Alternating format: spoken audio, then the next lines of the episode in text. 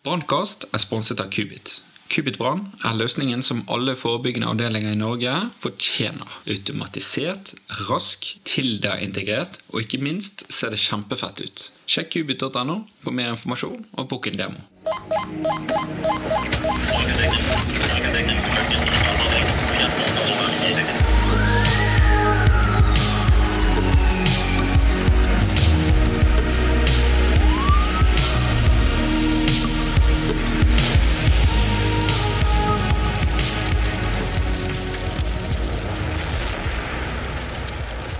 Ja, velkommen til siste episode av CBRNE-serien. Og siste del er jo selvfølgelig det jeg liker best, eksplosiver.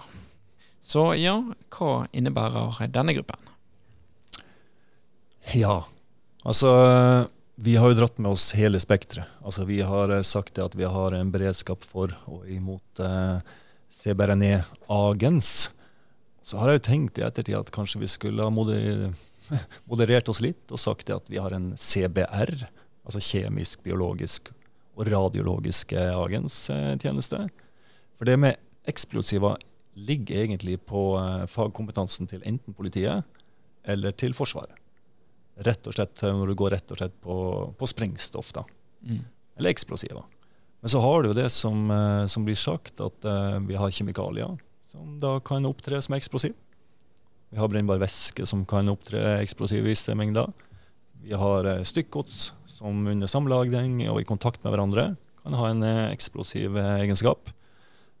Så vi må kjenne til. Men hvis vi da rett og slett bare går på sprengstoff og eksplosiver og, og pulver, som eventuelt da er noe hjemmelaga sprengstoff, så er det på mange måter politiet som skal håndtere det. Eventuelt da Forsvaret, som man da eventuelt kan be om bistand fra.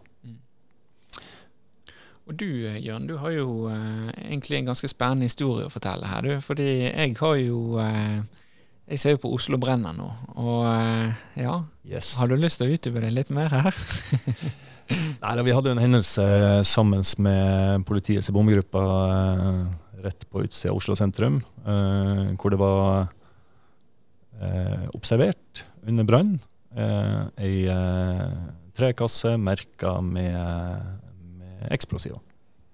Eh, og så var da spørsmålet om det er det som er innholdet, eller om det ikke er det som er innholdet. Og Da må vi ta høyde for at det er det som er i kassa, som kassa er merka med. Og dermed så ble jo det her en veldig langvarig hendelse sammen med bombegruppa fra politiet. Det ble håndtert på mange måter riktig, men uh, hendelsen dro ut en hel dag, og vi endte opp med noen uh, noe medister eller noen hvite pølser som kunne se ut som noe sprengstoff, men det var da en pølse. Så eh, personlig også har jo jeg gamle ammunisjonskasser hjemme som jeg bruker til lagring av annet, så jeg tenkte jo på det at de kommer til å få akkurat samme hendelsen hjemme hos meg hvis jeg skulle tilfeldigvis begynne å brenne der. Ja, Så man eh, bør helst tenke at det, det er eksplosiver og ikke pølser? Ja, absolutt. Og vi må jo gå ut ifra merkinga, og, eh, og da utgjør det her en større skadepotensial enn det vi ønsker. da. Eh, I forhold til det med E-biten på CBRNE, så, så, er det en begrensa kompetanse i hvert fall brann og redning har. Eh, vi kjenner til sikkerhetsavstander på brev, koffert, kjøretøy. Vi kjenner til egenskapene. Vi kjenner til at det som ser ut som eh, pulver i en håndslukker, kanskje ikke nødvendigvis behøver å være håndslukkerpulver, men kanskje kan være hjemmelaga sprengstoff som da opptrer i pulverform. Så vi kjenner til eh, skadepotensialet og, og mulighetene. Men så veldig mye mer eh, inngående kompetanse på eksplosiver, det har vi ikke. Og vi er også kjent med det at dette er et politiskadested, hvis vi da skulle komme over eksplosiver. Men vi, vi kommer gjerne til eh, skadestedet etter det er smelt. Og, eller ikke nødvendigvis, men vi kan jo gjerne komme på skadestedet etter det er smelt. Og da kan vi få et par møtte folk med skader. Hva type skader kan man få av eksplosiver? Rent øh, øh, emnemessig så er det som, som Jørn sier, at her er det øh, i aller høyeste grad politi og Forsvaret som har dybdekunnskapen rundt, rundt selve eksplosivene. det vi er veldig redd for, og så heter det seg sånn ideelt sett at det, de skadene som man kan se etter eksplosiver eh, og en eksplosjon, eh, dannes på bakgrunn av eh, flere faktorer. Enten om det være seg at man faktisk får fragmenter på seg, at man blir kasta og blir skada idet man møter en vegg. Eh, bare sjokkbølgen i seg selv kan, kan definitivt gi skader. Og dette er, dette er helt skjematisk satt opp ut ifra uh, skademekanikken og den, det trykket en eksplosjon, uh, eksplosjon gir. Uh, til syvende og sist så handler dette om, om multitraumatiserte pasienter med massive, potensielt massive skader. så i seg selv så er dette som en som en, eh, som en, kraftig bilulykke eller, eller sånne, type, sånne, type, hendelser. Det kompliserende innenfor CBRNE er jo at eh, hvis man her også får eh, store sårflater, man snakker om store sår, eh, åpne skader, eh, som i seg selv gir en større inngangsport til, til, til stoffer og eh, ikke så veldig mye biologisk agens, men i hvert fall stoffer og forurensning kan være kompliserende. Eh, det kan også være, være strålekilder. Eh, dette kan være komplisert for, for helse å kunne håndtere, eh, håndtere, ute, og vil kunne gi en veldig kompliserende faktor videre i vår behandlingskjede. Eh, så Derfor så kan E-siden av CBRNE være kompliserende. Bortsett fra det så er det jo sånt som vi håndterer, eh, om, ikke, om, ikke, i det daglige, men det å håndtere skadde pasienter er jo noe vi, noe vi gjør eh, tilnærmet daglig. Eh, hvor alvorlig eh, folk er skadde og sånn, det er jo helt eh, ut ifra igjen hvor, hvor, hardt de er eksponert. da. Eh, men kontaminerte sår er kompliserende i denne sammenhengen. Etter alle disse skadene så er det litt derfor vi har en sånn sikkerhetsradius på 1000 meter? Ja, vi har jo, eh, vi har jo store sikkerhetsavstander, og eh, spesielt da hvis vi da observerer eksplosiver som da ikke har gått av. Eventuelt at det er gassflasker som kan utgjøre en eksplosjonsrisiko. Eh, jeg var jo jobba på regjeringskvartalet under 22.07. Var på jobb på hovedbrannstasjonen og endte opp der oppe sammen med veldig mange andre fra nødetatene. Og der var jo ofte, eller ofte, men spørsmålet der oppe var jo det at det har gått av en sprengladning. Det hørtes, og det ble observert. Og så var spørsmålet om det fantes noen sekundærladninger. Og da var jo min tanke at da må jeg spille på ekspertisen rundt meg. Da mm, møtte jeg der politiets bombegruppe og kunne da stille åpne spørsmål. Er det trygt å jobbe i miljøet her? Ut ifra fagekspertisen deres. Og når man da får beskjed om det at eh, det går helt fint, så jobber vi veldig mye lettere i forhold til den jobben vi skulle gjøre inne på selve regjeringskvartalet. Eh, så det med å ha et bra samarbeid på tvers av eh, nødetatene er alfa og omega. Og det å komme ut, møte ansikt, kjenne navn, og det letter den jobben du gjør ute. Det letter den kontakten du får. Og eh, du jobber vesentlig bedre når du får et smil i tillegg under en så tragisk hendelse regjeringskvartalet er jo, er jo rett ved siden av brannstasjonen. Ja. 82 meter i luftlinje. Så vi, eh, vi merka godt eksplosjonen eh, på hovedstasjonen. Den står fortsatt. Den skal ned nå snart uansett. Men eh, ut ifra hendelsen der så sto vi ganske støtt. Samtlige vinduer forsvant jo fra stasjonen. Enten så gikk de inn, så gikk de ut. Det gikk da på trykk, trykkbølgen som kom fra eksplosjonen. Eh, men det å kunne jobbe så trygt der borte under de forholdene som lå til rette, eh, er ene og alene basert på det at du har et bra kompetansenettverk rundt deg, og du har oppsøkt de miljøene i god tid i forkant. Du har øvd, du har trent, og du har blitt godt kjent. Mm. Dermed så kan du senke skuldrene ganske mye for å kunne gjøre en bra jobb i eh, R4, hvor vi eksempelvis jobber. Den sjokkbølgen, kjente dere den? Altså, Kjente dere eksplosjonen inne i huset? Altså, hvordan var det liksom? Det, hva trodde dere skjedde da? Nei, vi har jo, eh, vi har jo om ikke øvd samme scenario, men eh, vi har jo eh, øvd lignende hendelser tidligere. Og det vi tenkte, vi tenkte eksplosiver med en gang, eventuelt da en gasseksplosjon. Så, så, vi var for så vidt ganske skjerpa i det både hendelsen skjedde, og uh, kort tid etterpå. Det som var litt spesielt, var jo det at uh, vi fikk ganske store skader på egen stasjon. Vi måtte jo klippe vaierne på portene for å få portene bort fra brannbilene før vi kjørte ut.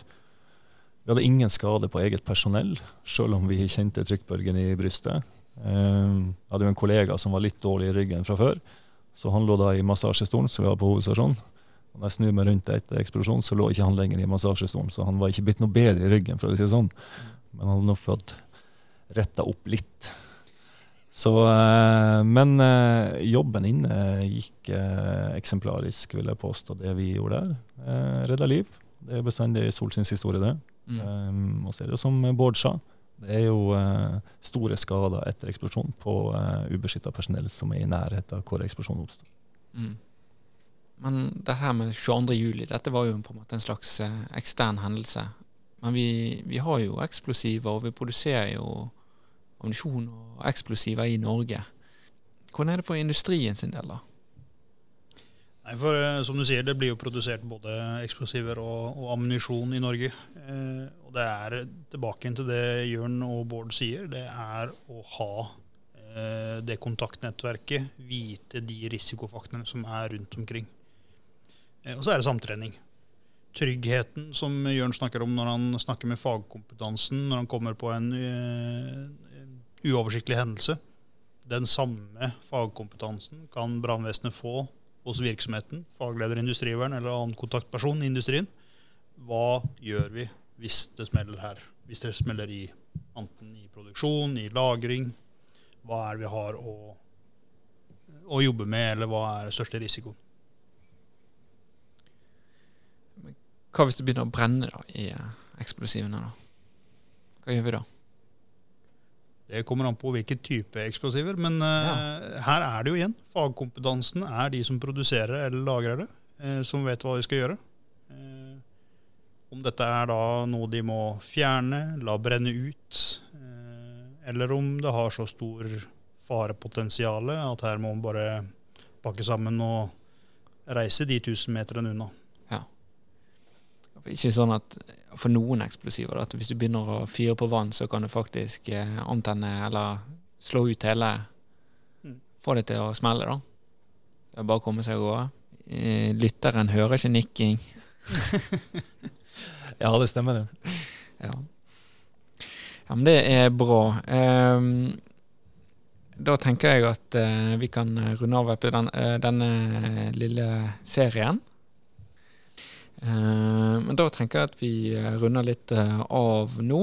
men før vi avslutter helt, så er det mye interessant teknologi der ute som kan være til, ja, til gode råd. Har vi noen apper som kanskje noen av disse lytterne burde sette litt på? Lastet ned? Du har jo Innafor CBRNE så har du jo Farlige stoffer-appen, som veldig mange nødetater bruker fra danske beredskapsstyrelsen, så er det riktig. Det eh, blir ofte brukt. Og så er det jo eh, det er vel Den appen bruker mest, så er det jo ofte i transportdel. De som planlegger, har jo, bruker da ERG.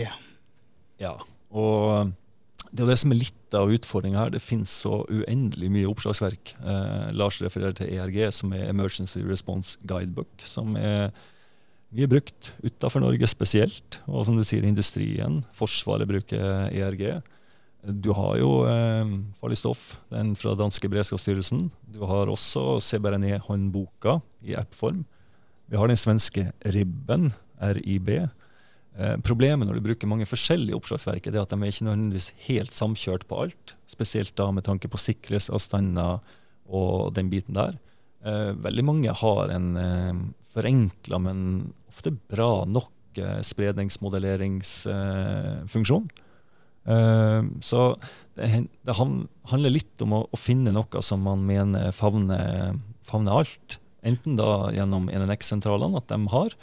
Om vi da bruker eh, farliggodspermen.no, at vi har den lett tilgjengelig, så kan vi få tidlig informasjon på stoff. Tidligere så var den i en sånn telefonkatalogstørrelse. Blir ikke lenger produsert med det, men jeg likte jo papirform. Jeg er såpass gammel at det var fint å ha arket foran seg. smarttelefon og iPad fungerer litt dårlig når det er regnvær, duskeregn og, og kaldt. Eh, og så er det jo ulike apper, ulike oppslagsverk basert på hvor du er i situasjonen. For NNX-sentralene som kan sitte med fast-databasen, altså DSP sitt kartverk. Veldig bra når du sitter inne og kunne planlegge, og sånne ting, men det fungerer litt dårlig når du står ute. Da er det en uh, apper eller på papirform som ofte går tilbake. Ser jo det på hendelser med whiteboard bak på bilen. Det er det som ofte blir brukt. Ja, det er sant, det. Og til slutt har vi noen uh, take home messages til uh, lytteren om eh, hele denne serien. Masse, sikkert. Men eh, jeg har jo gjennom, eh, gjennom min undervisning innenfor fagfeltet CBRNE, så har jeg jo sagt at hvis du I den gamle farlig gods-permen så fantes det et par ark som heter definisjoner og begrep. Der går vi inn på det som heter brennbarhetsområde, tetthet i forhold til luft, eh, tetthet i forhold til vann. Vil stoffet synke til bunns, eller vil du kunne samle det opp ved en lekkasje på vann? Um, ja, du, du, finner det aller meste. Og hvis du forstår definisjonene og begrepene, så mener jeg at du kan lese fallegodspermen egentlig som ei åpen bok. Uh, men du er nødt til å forstå det, uh, for da kan du også håndtere stoffet på en uh, veldig fornuftig og riktig måte, med en god porsjon trygghet i det du gjør. For våre del, eller for min del, så er det det med samhandling. Og snakk med de du har rundt deg. De fleste hendelser jeg har vært borti der som gir størst trygghet, er å møte folk som jeg har snakka med før, uh, har trent med før, som gjør at håndteringen av hendelsen blir på et helt annet nivå. og kunnskap i forkant er det som har resultat, ikke kunnskap rett i etterkant eller under hendelsen. Så vit hva du har med å gjøre i ditt nærområde. Men Det er supert. Jeg tenker det her er gode råd. Og um, Da vil jeg egentlig bare takke dere. Uh, takke deg, Lars Tveiten fra NSO. Takke deg, Jørn fra Obre. Og så uh, takke Bård fra, fra Oslo universitetssykehus for å ha laget dette gode samarbeidet. Og så håper jeg at denne lille episoden, eller lille serien, kan bidra for hver enkel der ute til å ta litt, litt bedre valg, da. Og forstå hva dette er. Eh, så ja, tusen takk til dere. Sjøl takk. Sjøl takk, ja. Tusen takk for meg. Yes. Takk til lytteren som fulgte med på. Vi snakkes.